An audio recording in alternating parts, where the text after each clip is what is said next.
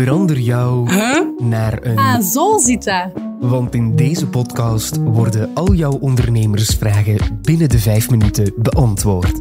Oh, zit dat zo? Een podcast van Unizo. Hallo, met de Unies Ondernemerslijn. U spreekt met Lien. Waarmee kan ik u helpen? Hoi, ik wil graag starten als zelfstandige in hoofdberoep, maar ik begrijp niet goed hoe het zit met sociale bijdragen. Wat zal ik moeten betalen? Dat is een vraag waar je voor terecht kan bij ons, de Unies Ondernemerslijn. Dus help ik je heel graag eh, verder.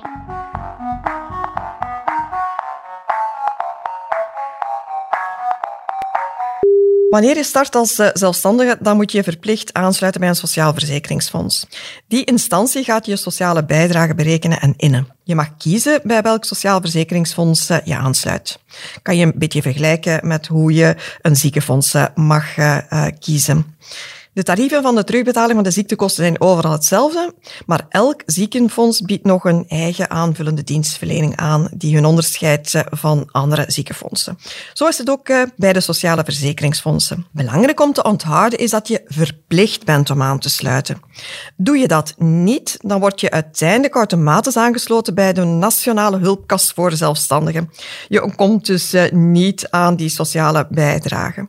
De standaardregel is dat je jaarlijks 20,5% van je netto belastbaar jaarinkomen moet betalen als sociale bijdrage. Dat zijn al je inkomsten uit je zelfstandige activiteit min de kosten die je hebt gemaakt. Dat is trouwens ook het bedrag waarop eh, je belastingen berekend worden. Voor de sociale bijdrage wordt er eh, steeds gekeken naar de jaarinkomsten. Het maakt dus niet uit of je al die inkomsten in één keer hebt ontvangen of gespreid doorheen het eh, jaar. Om die bijdrage te betalen ga je elk kwartaal een voorschot betalen. Dat is een beetje vergelijkbaar met uh, je energiefactuur. Je betaalt een paar keer per jaar een vast bedrag en op het einde wordt er een afrekening gemaakt op basis van de werkelijke kosten. Je krijgt dan terug of je moet bijbetalen. Dus vier keer per jaar zal je dus een factuur krijgen van je sociaal verzekeringsfonds met een vast bedrag dat je als voorschot betaalt. Dat noemen we de voorlopige bijdrage.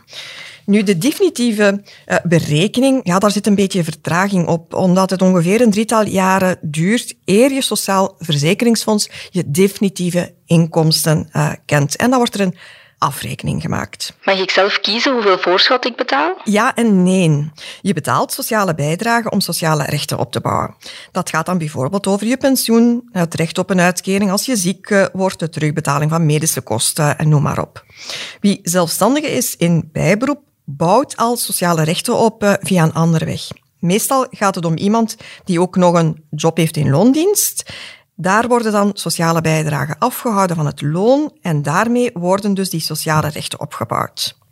In bijberoep eh, betaal je nog steeds sociale bijdragen op je inkomsten als zelfstandige, maar die worden op een andere manier berekend. Het gaat hier eerder om solidariteitsbijdragen. Een zelfstandige in hoofdberoep daarentegen heeft nog geen sociale rechten en moet die volledig opbouwen met de bijdragen die hij gaat betalen. Daarom is het belangrijk eh, dat er een ondergrens is aan dat bedrag. Er moet voldoende betaald worden om een basis aan sociale rechten te garanderen. Op dit moment eh, bedraagt de minimale bijdrage ongeveer een, ja, 875 eh, euro per kwartaal. Als je lage inkomsten hebt en de berekening van 20,5% zou lager uitkomen dan vier keer 875 euro, dan zal je het te veel betaalde bedrag niet uh, terugkrijgen, omdat dit nodig is om je sociale rechten te garanderen. Concreet wil dit zeggen dat je als zelfstandige in hoofdberoep dus elk jaar zeker ongeveer 3500 euro aan sociale bijdrage zal betalen. Zelfs al zou je nauwelijks of geen inkomsten hebben. Je kan dus niet kiezen om minder te betalen dan die 875 euro per kwartaal. Maar je kan wel meer betalen. Als je inschat dat je netto jaarinkomen hoog gaat zijn, dan is het verstandig om hogere voorlopige bijdragen te betalen. Op die manier uh, vermijd je dat je drie jaar na datum later plots dus een, een, een groot bedrag gaat moeten bijbetalen. Die verplichte minimumbijdrage van 875 euro is berekend op een netto jaarinkomen van ongeveer 16.000 euro. Als je dus inschat dat je inkomsten een pak hoger gaan uh, liggen, dan vraag je best aan je Sociaal Verzekeringsfonds om de voorschotten op te trekken. Moet ik als starter meteen de volle pot betalen? Nee, gelukkig niet. Uh, sinds een paar jaar bestaat er uh, zoiets als de primo starter. Iemand die pas start als zelfstandige in hoofdberoep en dat in de vijf jaar ervoor nog niet geweest is, kan gebruik maken van de meer voordelige berekening van de sociale bijdrage. Als je als starter verwacht dat je netto jaarinkomsten lager zullen zijn dan uh, die uh, eh, 16.000 euro waarop de minimumbijdrage berekend wordt, dan kan je vragen om je voorlopige bijdrage te laten zakken. Dat kan uiteraard niet eindeloos. Hè. Het laagst mogelijke bedrag is nog steeds 450 euro per kwartaal. Bovendien kan het ook uh, enkel voor de eerste vier kwartalen van je opstart. Daarbovenop is er sinds kort ook nog een extra korting van 100 euro op de sociale bijdrage voor het eerste kwartaal van elke zelfstandige in hoofdberoep die nieuw opstart. Dat is eenmalig en dus uh, enkel en alleen maar voor één kwartaal, maar toch weer uh, mooi meegenomen. Als starter bespreek je best goed met je Sociaal Verzekeringsfonds welke voorlopige bijdrage je best betaalt per kwartaal. Nu, Liantes is het Sociaal Verzekeringsfonds eh, binnen de groep van Unizo. Bij Liantes kan je zeker terecht voor meer informatie over die sociale bijdrage, hoeveel je zal moeten betalen en ook op welke sociale rechten je kan terugvallen. O zit dat zo is een podcast van Unizo met expertise van onze interne diensten en partners. Dankzij deze aflevering weet je meer over de sociale bijdrage. Is het toch nog niet helemaal duidelijk? Surf dan naar de kanalen van Unizo of klik op de link in de show notes.